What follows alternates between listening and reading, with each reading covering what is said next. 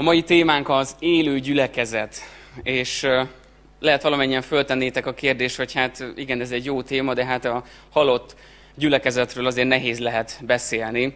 Ugyanakkor mégis nagyon sok olyan gyülekezet van, ami látszólag élő, de mégis halott. És erről szeretnék beszélni ma Isten igéjén keresztül. Mennyire fontos az, hogy a mi gyülekezetünk az ne csak látszólag legyen élő, és közben halott maga a gyülekezet, halottak vagyunk mi is, eljárunk, és csak megszokásból itt vagyunk, hanem valóban Istennek a szent lelke legyen az, ami felfrissít bennünket hétről hétre.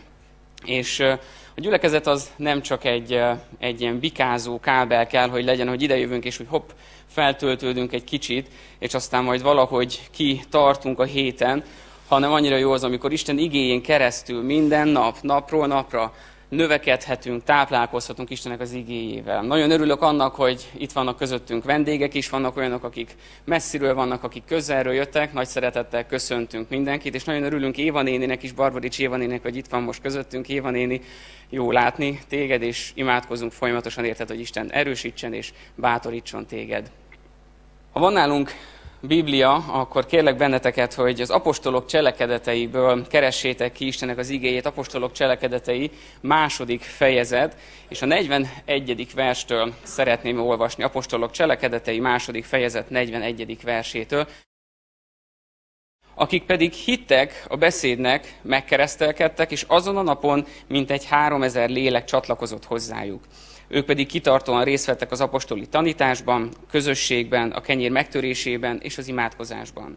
Félelem támadt minden lélekben, és az apostolok által sok csoda és jel történt. Mindazok pedig, akik hittek, együtt voltak, és mindenük közös volt. Vagyonukat és javaikat eladták, szétosztották mindenkinek, ahogyan éppen szükség volt rá. Minden nap álhatatosan, egy szívvel, egy lélekkel voltak a templomban, és amikor házanként megtörték a kenyeret, örömmel és tiszta szívvel részesültek az ételben. Dicsérték az Istent, és kedvelte őket az egész nép, az Úr pedig napról napra növelte a gyülekezetet az üdvözülőkkel. Mindenható Istenem, nagyon nagy hála van a mi szívünkben azért, mert Te szeretsz bennünket, és köszönjük azt, hogy ez az ige, ez ma is élő lehet, Atyám. És köszönjük azt, hogy Te erre hívtad el a gyülekezetet, amikor, amikor elindult, atyám, a gyülekezet pünköskor a Szentlélek által, hogy mi valóban egyek legyünk, te benned, hogy szeressük egymást, és Istenem, te adod az áldást. És kérlek téged, hogy mi először téged válasszunk mindenek előtt. Jézus nevében. Amen.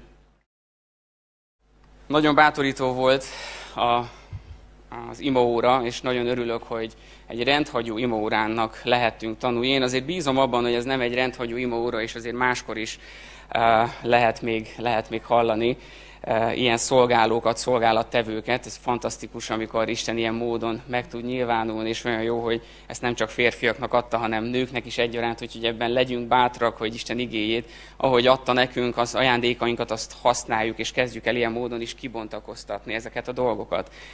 Nagyon érdekes, amikor most így a világban szétnézünk, így a történelem során, mindig voltak korszakok, amikor a gyülekezeteket, Istennek az igéjét megpróbálták eltiporni. Eh, vannak olyan országok, ahol ma is üldözik a keresztényeket, akár eh, szemtől szembe, akár pedig kicsit alatomosabb módon. De, de ezt láthatjuk, hogy a kereszténység támadás alatt van, a keresztény hit támadás alatt van. És nagyon nagy kérdés, ami számunkra, föl kell tennünk azt a kérdést, hogy mi hogyan állunk ehhez. Hogyan viszonyulunk ahhoz a mai világhoz, hogy támadás alatt vagyunk, és bebújjunk a kis bázisunkba, és ott jól érezzük magunkat, vagy, vagy jól érezzük magunkat abban, hogy igen, támadás alatt vagyunk, és mi fölvehetjük a harcot. És nagyon fontos, nagyon sokszor olvastam már az Efézus 6 10-ben, ahogy a, a fegyverzeteket magunkra öltjük, és, és mindig is tudtam, és mindig is ott volt a szemem előtt, hogy nekünk nem test és vér ellen van a mi harcunk, hanem szellemi magasságokban van ez a harc. De mégis, amikor, amikor emberi támadás ér bennünket, amikor emberektől kapjuk a támadást, akkor az az első, nem? Amikor valaki megbánt bennünket, amikor valaki rosszat tesz ellenünk, akkor az az első, vagy az jön fel bennünk, hogy na akkor mi is na akkor mi is vissza tudunk vágni. Igaz, mi keresztények vagyunk, de most becsukjuk a Bibliát, a keresztet levesszük a nyakunkból, eltesszük a zsebünkben, na most mi is meg tudjuk mondani, meg tudjuk mutatni. Az autónkról, hogyha rajta van a halacska, akkor lehet nagyon szívesen lepattintanánk, hogy ezt most ne lássák, amit mi tenni fogunk. Ugyanakkor van egy jó vagy rossz hírem, hogy Isten mindent lát. Teljesen mindegy, hogy mi van a nyakunkban, hogy nyitva van-e a Biblia, vagy a halacska ott van-e az autónkon. Isten mindent lát. És Isten szeret bennünket, és Isten szereti azokat is, akik ellenünk valami rosszat tesznek. És ez olyan jó dolog, amikor ezt megtapasztalhatjuk, hogy, hogy szeretettel, Istennek a szeretetével meggyőzhetjük azokat, akik ellenünk támadnak. És ö, olyan elferdült dolgokról hallunk ma, amit próbálnak ö, a keresztényeknek a, a torkán letolni, hogy na akkor leszel toleráns, ha ez és ez és ez. Akkor fogsz valóban szeretni embereket, ha ez és ez és ez.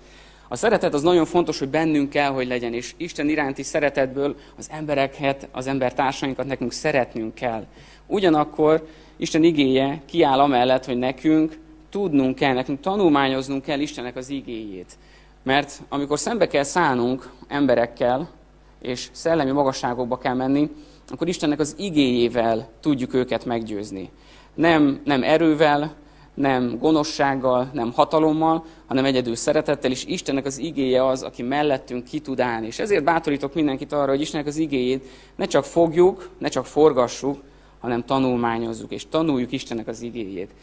És ezért nagyon fontos, hogy mi keresztények a helyünkön legyünk, és szikla szilárd alapon álljunk. Ugye erről volt most szó, ezt hallottuk itt most az imáró buzdításban is itt a legvégén, hogy mennyire fontos az, hogy mi szikla szilárd talajon tudjunk megállni. És ez nem más, mint Jézus Krisztus. Jézus Krisztus az a személy az életünkben, aki meg tud bennünket változtatni, át tudja formálni a mi gondolkodásunkat, a régi énünket, azokat a bűnöket, azokat a cselekedeteket, amik belőlünk fakadnának.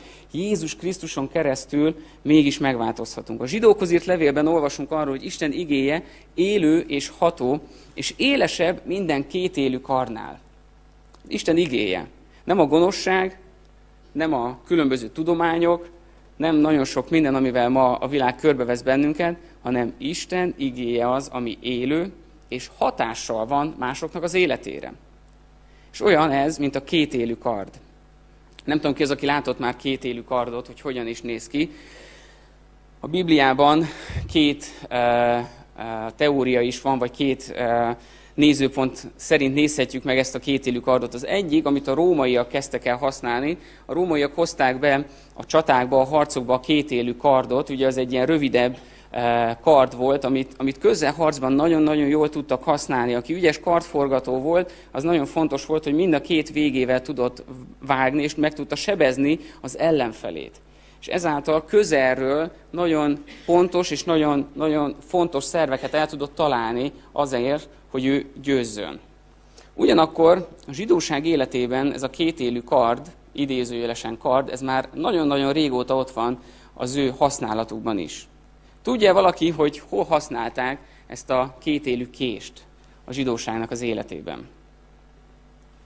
Az áldozatoknak a bemutatásánál. Az áldozó papok használták ezt a kétélű kést, amikor, amikor az áldozatot az, az, az oltára helyezték, és ki kellett metszeni azokat a dolgokat, amik a tiszták, és amik a tisztátalanok. A tiszták mentek az oltára, Istennek a bemutatására, ami tisztátalan, ami, ami felesleges volt, azt pedig félredobták. És mivel ez a két élő kés, ez olyan éles volt, és mind a két élével tudtak vágni, ezért nagyon pontos bemetszéseket tudtak csinálni, és nagyon szépen tudták az állatot feldarabolni. És nekünk is ezért nagyon fontos, hogy mi tisztán lássunk, hogy Isten igéje az ilyen, mint a két élő kard. Hogy ami szép és tiszta, azt oda viszi Isten elé, ami felesleges, az pedig lemetszi, lemetszi rólunk. És kíváncsi vagyok, hogy ma engedjük-e Istennek, hogy ő, hogy ő metszen bennünket. Hogy megmetszen bennünket. Nálunk otthon, eh, most ahol lakunk, a kertben, a háznak van kertésze, és ő ültetett oda mindenféle növényeket, gyümölcsöket, meg paradicsomot, és eh, hát gondoltuk, hogy milyen jó az, hogy lesz nekünk is egy kis paradicsom, és amikor az elkezdett úgy nagyon-nagyon nőni, és már elég bozótos és bokros lett, és úgy elfoglalt mindent, Hát akkor én egy elég barbár módot akartam választani, hogy hát én akkor ezt fogom és szépen itt lent alul levágom, nem kell nekünk paradicsom, inkább elmegyünk, megveszük azt a párat, amire nekünk szükség van. Tehát hál' Istennek jött a kertész, és milyen szépen rendbe rakta. Nem úgy, ahogy én tettem volna, hogy én a tövénél fogom, levágom, és aztán kihajítom, hogy elszáradjon, hanem ő szépen jött, amit kellett, megmetszett rajta, szépen egyenesbe állította, karót helyezett oda, és csilli-villi lett újra az a kis kertes rész a házunknál is. És tudjátok, Istennek az igéje, az valahogy így működik, hogy, hogy lehet, hogy, hogy nagyon sokszor megpróbálnánk, hogy tövestül ki kell vágni, ez nem kell ide, gyökerestül kihozzuk és kidobjuk, de Istennek az igéje az pont ilyen, mint ez a kertész is, hogy ő értett hozzá, hogy mit kell csinálni. Ő szépen megmetszette, karót helyezett oda, és újra virágzik, és most már kezdenek beérni ezek a paradicsomok. És Isten igéje is pont ugyan ilyen. Képzeljétek el, hogy a sátán pont ez ellen van, hogy ne engedjük, hogy Istennek az igéje hatással legyen a mi életünkre. A sátán ez ellen akar menni, és ellopja tőlünk az időnket, be akar csapni bennünket, és azt mondja, hogy neked nem szükséges imádkoznod. Jól vagy te úgy, ahogy vagy. Neked nem szükséges Bibliát olvasnod, van más dolgod. Neked nem szükséges elmenni egy gyülekezetbe, hiszen nyár van. Van más dolgod. Neked nem szükséges házi csoporthoz tartoznod, mert hétköznap, hát annyi minden van. Most még plusz egy, másfél-két órát valahol eltöltsek. És a sátán megpróbál bennünket becsapni, hogy nekünk nem szükséges időt töltenünk Istennel. És az nagyon-nagyon fontos, hogy amikor a mi csendességünket támadja az Isten, az ördög, akkor tudhatjuk, hogy jó helyen vagyunk. Amikor csendességben odafordulunk Istenhez, és azt érezzük, hogy fú, de támad az ördög. Hát most nem tudok, most nem tudok csendességet tartani. Na akkor kell megerésítsük magunkat, és azt mondjuk, hogy akkor is a térdeinkre rogyunk, elővesszük Istennek az igéjét, elővesszük az ima listánkat, és elkezdünk imádkozni. És elkezdjük Jézus nevét segítségül hívni. Jézus nevében erő van, és ez nem csak a tanítványok idejében volt így, hanem ez ma is ugyanúgy jelen van a mi életünkben, hogy Jézus Krisztusnak a nevében erő van. És amikor mi Jézus Krisztus nevét hívjuk segítségül, akkor az ördög, a sátán, a gonosz, az menekül, futva menekül előlünk. Azért, mert azt mondja, hogy ő nem tudott meggyökerezni, ő nem tud együtt élni azzal a szentséggel, amit Jézus Krisztus képvisel, és általunk ez megjelenhet ezen a földön. Milyen érdekes nem, hogy, hogy a szentségről beszélhetünk olyan szempontból, hogy mi tökéletlen életet élünk, tökéletlenek vagyunk, és mégis Isten azt mondja, hogy éljetek szentségben. Erre majd ki fogok térni nem olyan sokára. És ezért fontos nagyon az életünkben a helyes alap, ezért nagyon fontos, hogy gyülekezet életében az a fundamentum, az az alap, ami nem más, mint Jézus Krisztus, és erre kell nekünk nagyon erősen rá koncentrálnunk. Az első fundamentum, hadd hozzak most néhány, néhány ilyen alapot. Az első alap a gyülekezet Isten választottjainak a közössége. A gyülekezet most, akik itt vagyunk, az Isten választottainak a közösségét képviseljük mi. És milyen jó ez? Hogy is kezdődött? Az az ig, amit ma felolvastunk. Akik hittek, és megkeresztelkedtek, és a végén látjuk, hogy milyen áldásban volt részük, hogy napról napra növelte a gyülekezetet megtérőkkel Isten. De ahhoz mi kell? Akik hittek. Az első elköteleződés az a mi számunkról kell, hogy legyen.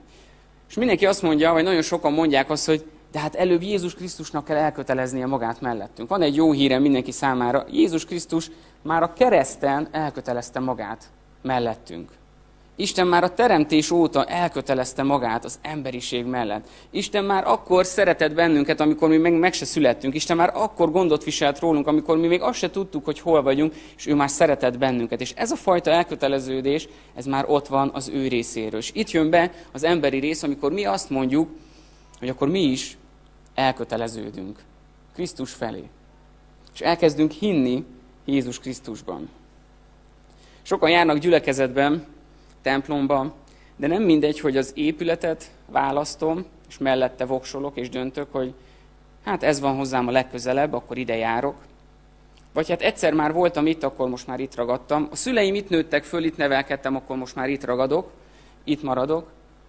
Hanem nekünk minden nap Jézus Krisztust kell választanunk. És hogyha ezt itt, a Budafoki Baptista gyülekezetben tudjuk a legjobban megélni, a házi csoportokban, az imaközösségekben, a különböző szolgálatokban, a különböző missziós területeken, alkalmakon, akkor tegyük ezt itt, a Budafoki Baptista gyülekezetben. Növekedjünk itt, Jézus Krisztus által. Lehet nagyon jó közösség, és emiatt választunk egy-egy helyet. De a közösségnek nincsen igazán üdvözítő szerepe. Megtartó ereje van egy közösségnek, de üdvözítő szerepe nincsen a közösségnek. Egyedül üdvözítő szerepe Jézus Krisztusnak van, és hogyha mi nem őt választjuk, nem Jézus Krisztust választjuk, akkor teljesen mindegy, hogy hova járunk, hogy mit csinálunk. És hogy itt jól érezzük-e magunkat, vagy nem annyira. Én abban bízom, hogy mindenki jól tudja magát itt érezni, és otthon érezzük magunkat, de nem azért, mert egy jó, kellemes környezetbe jövünk, hanem azért, mert Jézus Krisztus van itt a középpontban. Pálapostól beszél arról a Kolossé 1.10-ben, hogy Krisztushoz méltó módon éljetek. Más fordításban azt olvasjuk, hogy Krisztushoz illeszkedő, Krisztushoz illeszkedő módon éljétek az életeteket. Mióta Róza lányunk nő föl, és egyre több olyan játékot használ, ami egy ilyen puzzle-höz hasonlít, tehát manapság már nagyon furcsa puzzle is vannak, és nagyon nehéz kirakni. Nem olyan régen mi is kaptunk egyet, ami egy vonatot ábrázol, és Róza lányunk egy pillanat alatt szét tudta szedni, és utána mondta, hogy na apa, akkor gyere, segíts, rakjuk össze. Nem sikerült. Úgyhogy ha valaki ebben tud nekünk segíteni, akkor majd azt megköszönjük, mert ez a vonat ez nem olyan könnyű összerakni. De néztük, hogy hogyan illeszkednek össze. Néztük azt, hogy hogyan tudjuk összerakni. És Róza lányom mindig mondta, hogy apa, ez így nem jó, apa nem jó. És látta rajtam, hogy vakarom a fejem és ízadok, és próbálom olyan helyekre beszuszakolni azt a darabot, ahova az nem illik. És mondta, hogy apa, az ott nem jó. És tudjátok, valahogy a mi életünk az ilyen kell, hogy legyen, hogy bele kell simuljon Istennek a tervébe. És, és nagyon sokszor, amikor, amikor ez nem sikerül, akkor úgy le kell faragnunk belőle, és azt mondani, hogy igen, most ez, ez, egy, ez nem olyan alak, mint aminek oda bele kell mennie, akkor az én életemből le kell metszeni dolgokat, az én életemből le kell tegyek dolgokat azért, hogy, hogy bele simuljak, hogy összeilleszkedhessen az én életem Jézus Krisztussal. És ez nem más, mint a bűnnek a megvallása, a bűnnek a letétele, azok a dolgok az életünkben, amik hamis vádként ott vannak, azokat is le kell tennünk. A sátán mai napig próbálja a keresztényeket, a hívőket, azok, akik már elkötelezték magukat Krisztus mellett becsapni, hogy te nem vagy elég jó. És azt mondja, hogy te nem vagy méltó arra, hogy szolgálj neki, te nem vagy méltó arra, hogy felemeld az ő nevét, te nem vagy méltó arra, hogy a Bibliával kimenj az utcára és hirdesd Istennek az igéjét, mert nem ismered eléggé jól Istennek az igéjét. És aztán jön a félelem bennünk, aztán jön a kétkedés bennünk, de mégis Istennek az igéje azt mondja, hogy ne ez legyen bennetek, hogy nem a félelem lelkét adta nekünk. Isten nem a félelem lelkét adta nekünk. Ez az annyira jó. Mi választottak vagyunk, mert Krisztus kiválasztott már bennünket, és ez milyen fantasztikus dolog. Ugyanakkor a döntést azt nekünk kell meghozni, hogy őt választjuk-e ma is az életünk urának. Aki még nem választotta Jézus Krisztust az urának, attól azt kérem, vagy hát nem is én kérem, hanem Jézus Krisztus, hogy válasz még engem ma, ezen a mai napon. Nem tudjuk, hogy mennyi időnk van hátra, nem tudjuk, hogy milyen dolgok várnak még ránk, de ma, most még van lehetőségünk Jézus Krisztust választani, és őt követni, és ez milyen fantasztikus dolog. A tanítványok, amikor ott voltak, és ugye kihúzták a hálójukat, fáradtak voltak, munkában voltak benne, és Jézus odament hozzájuk, odalépett hozzájuk, és azt mondta, hogy gyertek és kövessetek engem. És ők nem azt kérdezték, hogy jó, akkor mikor fogunk találkozni? Ö, jó, csak még a hálót el kell mosnom. Jó, csak még ezt a hajót akkor eladom, hogy legyen belőle pénzem, és aztán utána valahol be tudjam fektetni, és valami nagyobb dolgot tudjak majd belőle venni, na utána akkor megyek utánad. Mit tettek ezek a halászok? Ott hagytak mindent, és követték Jézust. És ma megvan arra a lehetőségünk, hogy ezt tegyük, hogy ezt cselekedjük, hogy mindent ott hagyunk, és követjük őt. Ugyanakkor, akik már Krisztuséi vagyunk, nekünk is nap mint nap el kell köteleznünk Jézus Krisztus mellett magunkat. Amikor felkelünk, és azért is mondom az Efézus 6, 10-ben leírtakat, amikor magunkra öltjük a fegyverzetet. És ha tehetitek, akkor, akkor reggelente olvassátok el és induljatok így munkába, iskolába, nyaralni, indítsátok így a napotokat, hogy milyen fantasztikus az, amikor Istennek a fegyverzetét magunkra öltjük, és így megyünk szembe az ellenséggel. És nem talál akkor rajtunk fogást, akkor nem fog rajtunk fogást találni. A szentség nem pont azt jelenti, amiről beszéltem is, hogy tökéletesek vagyunk, hanem hogy elkülönülünk a bűntől. A szentség nem azt jelenti, hogy én tökéletes ember vagyok, hanem azt jelenti, hogy én a bűntől el akarok különülni, hogy én nem akarom beengedni a bűnt az életembe. A bűn a sajnos jön, és be akar próbálkozni, és meglátja a kiskapukat az életünkbe, de mégis Istennek az igéje erre bátorít bennünket, hogy ne engedjük, hanem tartsunk ki Jézus Krisztus mellett. A második alap, az pedig Jézus Krisztus. Maga Jézus Krisztus. Jézus Krisztus gyülekezete az olyan kell, hogy legyen, hogy az üdvözítőt kell nekünk bemutatni minden héten és minden nap. Hogy amikor ránk néznek, mert a gyülekezet az most nem ez a közösség, akik csak itt vagyunk, hiszen nagyon sokan vannak most tőlünk távol, lehet nagyon sokan betegség miatt nem tudnak itt lenni, lehet nagyon sokan pihenés miatt nem tudnak itt lenni közöttünk, de a gyülekezet az nem csak ez, amit itt látunk. A gyülekezet azok mi vagyunk, az emberek, akik alkotjuk ezt a közösséget. És tudjátok, amikor, amikor Istennek a szent lelke betölt bennünket, és azt mondja, hogy igen, én használni akarlak téged, használni akarlak téged másoknak az életébe, akkor be tudjuk mutatni az egyedüli üdvözítő Jézus Krisztust. A kérdés csak az, hogy be akarjuk-e mutatni az egyedüli üdvözítőt, aki nem más, mint Jézus Krisztus. Nagyon sok mindent meg tudunk mutatni az életünkből, hogy mennyire szeretjük a családunkat, mennyire szeretünk egy-egy foci csapatot, mennyire rajongunk egy-egy előadóért, mennyire szépen tudunk öltözködni, mennyire szeretünk bizonyos ételeket. Nagyon sok mindent be tudunk mutatni a környezetünknek, de be tudjuk-e mutatni Jézus Krisztust is? Én azt gondolom, hogy ez az első feladatunk. És kicsoda az üdvözítő? Az üdvözítő megváltó.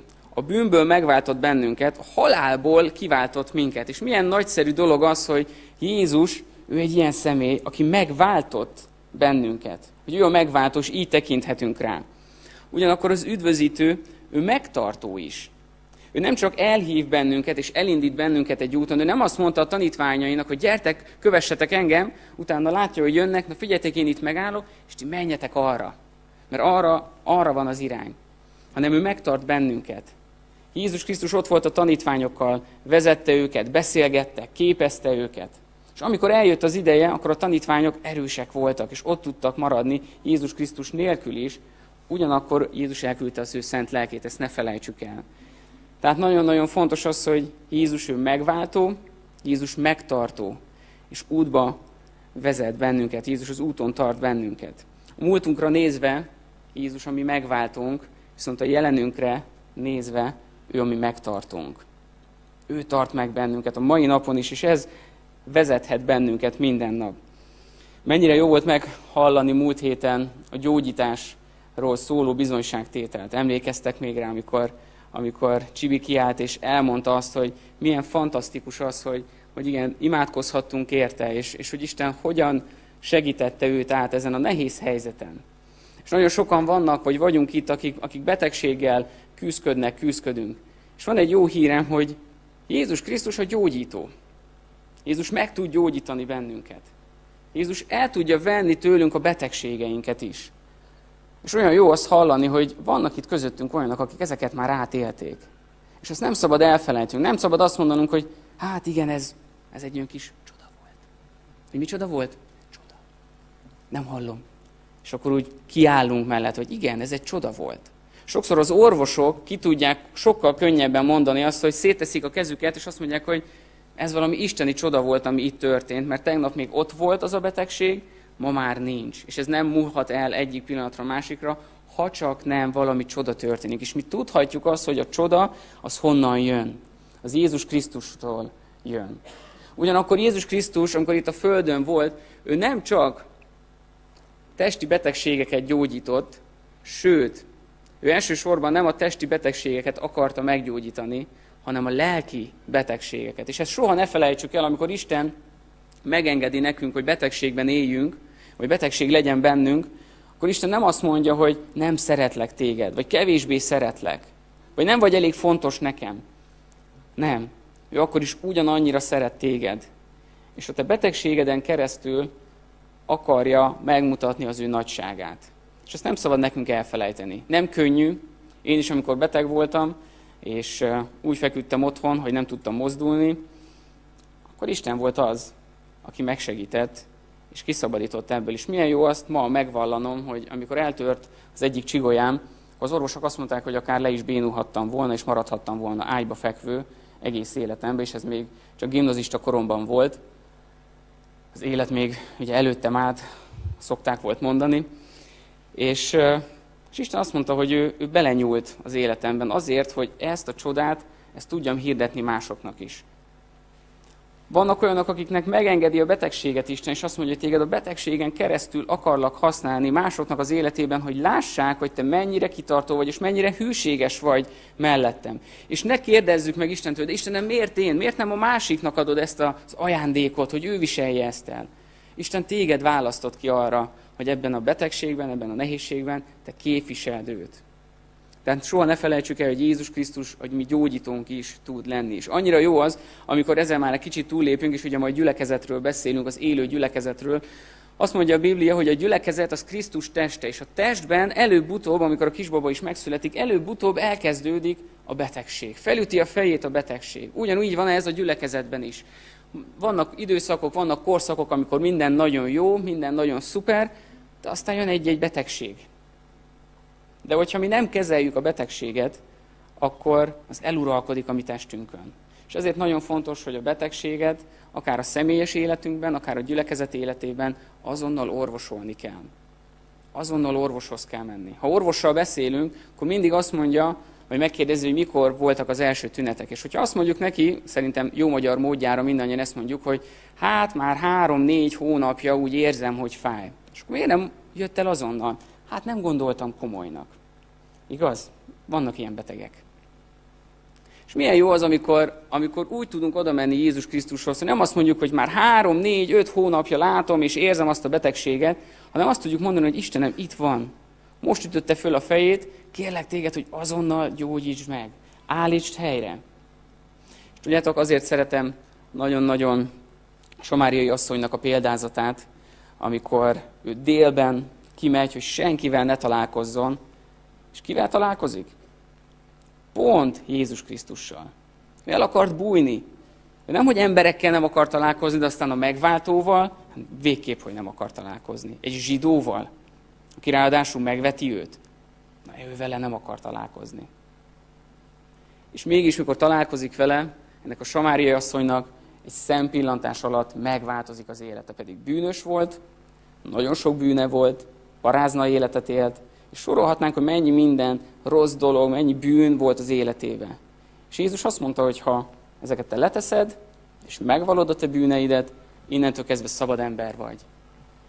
És aztán hogy ment haza? Ő kullogva jött, bujkálva, hogy nehogy valaki meglássa, és utána, amikor találkozott Jézussal, szaladt vissza a faluba, és hirdette azt, hogy kicsoda az ő megváltója. A gyülekezetnek ez a szerepe, hogy mi hirdessük, hogy kicsoda a mi megváltónk.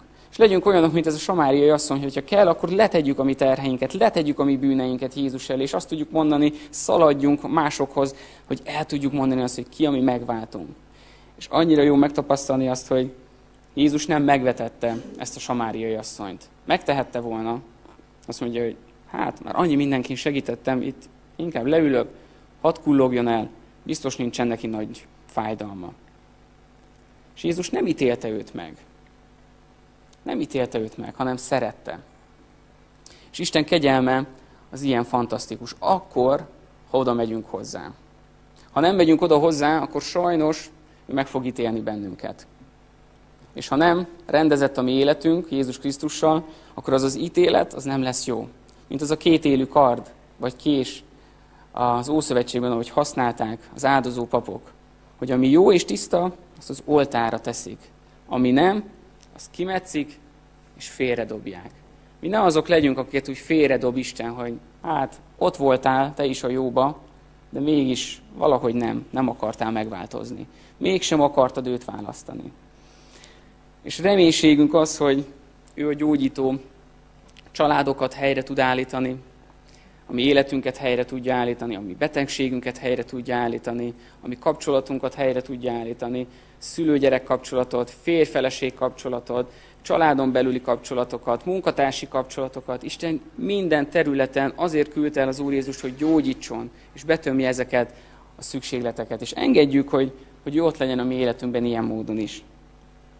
És Jézus a szabadító. Ez a nagyon-nagyon-nagyon szuper dolog, hogy Jézus szabadítóként jött el erre a földre. Biztosan emlékszünk arra, amikor olvassuk Istennek az igéjét, hogy a zsidóság, ők hogy várták őt, mint az igazi szabadítót, az igazi messiást, igaz? És azt látjuk, hogy ők úgy várták, hogy lovon megérkezik karddal a kezébe, és mindenkit lemészárol, és végre visszaszerezzük azt a földet, ami a miénk. És Jézus hogy érkezett meg? csecsemőként, istállóba, békésen, nevelkedett, tanított embereket, aztán keresztre feszítették, harmadnapon feltámadt, felment a mennybe, és elküldte az ő szent lelkét. És nagyon sokan azt gondolhatják, hogy ez, ez a szabadító. Ez a személy a szabadító. És van egy jó hírem mindannyiunk számára, hogy igen, Jézus Krisztus a szabadító, aki így nőtt fel csecsemőként, és ismeri a mi fájdalmunkat, ismeri a mi kihívásainkat, és mégis azt írja az ige, hogy soha nem volt benne bűn. Ez milyen jó megtapasztalni, hogy az a Krisztus, aki itt élt a Földön, ő ellen tudott állni minden kísértésnek. Pedig voltak kísértések az életében. Jézus Krisztus az, aki a mi bilincseinket letöri. A börtönből kiszabadít bennünket. Két héttel ezelőtt itt a gyülekezetben volt napközis tábor, és az egyik alkalommal Péter csodálatos szabadulásáról volt szó. És nagyon-nagyon jó tanítást hallhattunk erről, és amikor elmentünk ide kis csoportokra, mi itt hátul az egyik kis teremben voltunk, a fiatalokkal, és beszélgettünk, és megkérdeztem, hogy mit tetszett nektek ebben a történetben a legjobban. És tudjátok, mit válaszoltak a legtöbben erre a kérdésre? Azt, hogy Péter, mint egy szuperhős, kiszabadult a börtönből. Hogy láthatatlanná vált. Na én is ilyen szupererőt akarok. De mondtam, hogy én most nem a szupererőről kérdeztem, de nagyon örülök, hogy szupererőt akartok. De mi tetszett a legjobban? De ez, ez tetszett a legjobban, hogy ilyen, ilyen szuper volt Péter. És milyen fantasztikus az, hogy, hogy Isten bennünket ilyen szuperré tud tenni. És engednünk kell, hogy ő megszabadítson bennünket. Péter is mondhatta volna azt, hogy nem, nem, nekem jó itt, én nem akarok galibát, most már itt vagyok, ide vagyok láncolva. Ha már elkaptak, akkor elkaptak, ez van. De nem, Péter azt mondta, hogy akkor megyek. Az angyal amerre visz, én megyek. Amerre Jézus vezet, arra megyek.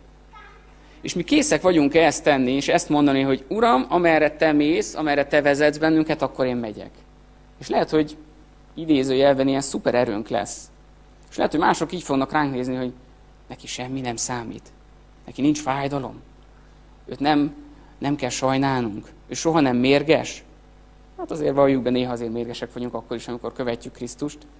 De milyen jó az, hogy, hogy ha őt követjük, akkor megszabadít bennünket minden ilyen dologból. Jézus a gyülekezet pásztora. Ez nagyon-nagyon fontos, hogy nekünk nem szabad elfelejtenünk azt, hogy ki a mi pásztorunk. Nagyon érdekes az, hogy Magyarországon a pásztorlás, a, a, a szó nemes értelmében vett pásztorlás, amikor kint a nyájjal vannak a, a, a pásztorok, Magyarországon ez úgy működik, hogy terelik az állatokat. Hátulról, kutyákkal, ide-oda terelgetik fügyszóval, és terelgetik szépen. Na ehhez képest a keleti pásztorlás, keleti országokban lévő pásztorlás teljesen máshogy működik. Ott a pásztor megy előre, ott van nála a bot, és mindig hívogatja az állatokat, hogy erre gyere, erre gyere, és az állatok mennek utána. És hogy megáll ott egy másik pásztor is elkezdi mondani, hogy erre gyere, az a nyáj, ami ehhez a pásztorhoz tartozik, az nem fog arra menni a másik pásztorhoz, vagy a másik emberhez. Mert annak a hangját nem ismerik viszont annak a hangját, akit ismerik és ismernek, azután egyből mennek oda, és tudják, hogy nekik most jobbra vagy balra kell menni. És milyen jó az nekünk is megtapasztalni, hogyha mi ismerjük Istennek a hangját, ha ismerjük Jézus Krisztust, azt az igazi pásztort, aki itt volt a Földön, és megismerhettük, és tudjuk, hogy hova kell nekünk menni, akkor jöhetnek mindenféle szélsőséges dolgok a mai világban, mi akkor is tudjuk, hogy az a hang, az hamis, viszont az a hang, ami a Bibliából, a gyülekezetből jön, az igen, Jézus Krisztus, és nekünk oda kell mennünk. És ezért bátorítok mindenkit, hogy ismerjük meg az ő hangját. Ha még nem ismerjük, akkor kezdjünk időt tölteni azzal, hogy megismerjük az ő hangját. Mint egy csecsemő az édesanyja hangját egyből felismeri. Ugyanúgy az édesanyja is szerintem száz síró gyerek közül tudja, hogy na pont ő, pont ő, aki most sírna, ő az én gyerekem. És nekünk is ezt kell, hogy így megismerjük Jézus Krisztust. Az utolsó pont, az pedig a Szentlélek nélkül nincsen gyülekezet. Ezt nem szabad elfelejtenünk, hogy amiket itt végig vezettünk, végig soroltam, hogy hogyan is néz ez ki, eh, hogyan néz ki az élő gyülekezet Jézus Krisztussal. De hogyha nincs itt a Szentlélek, ha nem engedjük a Szentléleket, hogy munkálkodjon itt ma, most közöttünk, akkor a gyülekezet egy jó irányba tartó és élőnek látszó, és még talán élet is van benne valamennyi, de ha nincs ott a Szentlélek, akkor halott az a gyülekezet. És ugyanúgy a mi életünkben is, hiszen a gyülekezet azok mi vagyunk, ahogy említettem az elején, hogyha a mi életünkben nem engedjük be Jézus Krisztus, ha mi életünkben nem engedjük be a Szent Lelket, akkor a mi életünk az halott. És halottakból csak temetőbe tudunk eljutni. Viszont az élők, azok élőket vonzanak. És nagyon fontos az, hogy mi élőek legyünk, a mi gyülekezetünk élő legyen, az én életem élő legyen, a valamennyünk élete élő legyen, és Jézus Krisztus mellett tudjunk dönteni. Az élő gyülekezet ismertetője az a szeretet közösség, odafigyelés egymásra, meghallgatni Isten szavát, és ha küld minket, akkor megyünk. Ez a misszió. És ne csak nekünk legyen jó, hanem a környezetünknek is, és merjük elmondani nekik, hogy figyeljetek, van szabadulás. Ha a Covid elleni oltóanyagot mindenki csak tartogatta volna magának, és azt mondanák, hogy hát, ha bekerülsz a kórházba, nem tudunk veled mit kezdeni, pedig most már nagyon jó orvosságok és tabletták vannak, de hát mm, most ez maradjon meg nekünk. Azért az nem lett volna jó, nem? Sokunknak. És milyen jó az, amikor azt látjuk, hogy Isten igéje ugyanilyen módon ott van, és hirdethetjük. A Galata levélben olvashatunk a lelki gyümölcsökről. És ez az, ami látszik. És mi látszik a mi életünkben? Mi az a gyümölcs, amit a mi életünk hoz? Mi az a gyümölcs, amit a gyülekezetünk hoz? És mi az, amit látnak rajtunk az emberek? Ez egy nagyon fontos kérdés, és én szeretném azt, hogy ma ezzel tudjunk hazamenni, hogy az én életemben milyen gyümölcsök vannak, amiket tudok vinni a gyülekezetbe, hogy aztán a gyülekezet teste az egy legyen, és lássák rajtunk a környezetünkben lévő emberek, hogy na igen, ehhez a gyülekezethez érdemes tartozni. És nem azért, mert kint van, hogy Budafoki Baptista gyülekezet, hanem azért, mert Jézus Krisztus itt van közöttünk. És amikor innen elmegyünk és találkozunk egyesekkel, akkor örömmel tudunk oda menni hozzájuk, és örömmel tudjuk megosztani azt, hogy te vagy az, aki megváltoztatod az én életemet. És ez nem más, mint Jézus Krisztus. És ezt, ha nap mint nap vele kezdjük a mi napunkat, akkor ez fog belőlünk kijönni.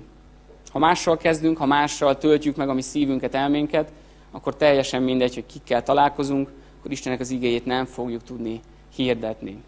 És Isten azért küldte el az Úr Jézust, hogy formáljon bennünket, és hogy gyülekezetünkben olyan emberek legyenek, akik gyümölcsöznek. És én azt kívánom, hogy valóban ezt a gyümölcsöző életet tudjuk megélni hétről hétre, napról napra, és már kezdjük el most. Ne azt várjuk, hogy na majd jövő héten, ez annyira jó volt, amit most hallottam, ez a gyümölcsöző élet, na de majd akkor jövő héten majd elkezdem. Kezdjük el most, és kezdjük el meglátni azokat a dolgokat, hogy Isten mit rejtett a mi életünkben. Legyetek áldottak, és legyetek áldássá. Amen.